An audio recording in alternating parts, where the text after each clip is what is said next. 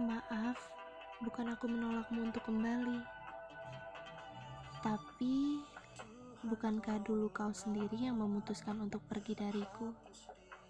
Meninggalkan aku sendirian ketika aku masih benar-benar mencintaimu. Maaf, bukan aku tidak menginginkan kamu lagi.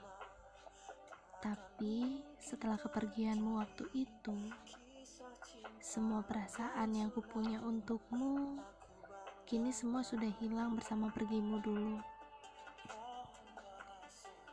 Ini bukan lagi masalah. Aku masih mencintaimu atau tidak.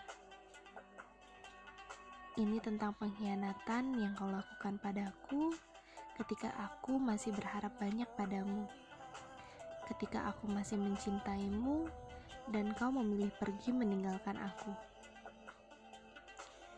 Dan ini juga bukan tentang kata maafmu. Bagiku, ketika kau memilih pergi itu, artinya kau tidak lagi mencintai aku. Sekalipun kau tidak pernah tahu bagaimana hancurnya aku waktu itu. Tapi sekarang, kau sudah kumaafkan. Dan sekarang, bagaimanapun perasaanmu dan bagaimanapun keadaanmu, tolong jangan adukan semua itu padaku. Karena aku tidak ingin mendengar apa pun lagi tentangmu, dan aku tidak mau tahu itu. Karena dulu ketika kau memilih pergi, kau tidak pernah tahu bagaimana rasanya jadi aku. Bagaimana hancurnya perasaanku Kau tidak pernah tahu, dan kau tidak akan pernah mengerti. Aku berjuang sendirian melewati puluhan malam dengan penuh rasa sakit dan kekecewaan.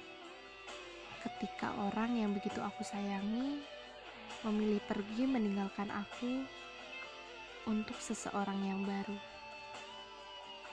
Dan kini, ketika semua perasaanku mulai membaik, Tuhan menunjukkan jalannya padaku ketika seseorang yang dulu kau pilih sebagai pengganti aku ternyata tidak jauh lebih baik dariku.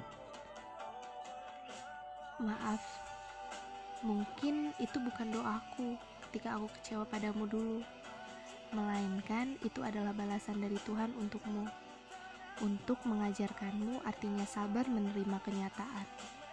Sebagaimana dulu aku sabar menerima kepergianmu.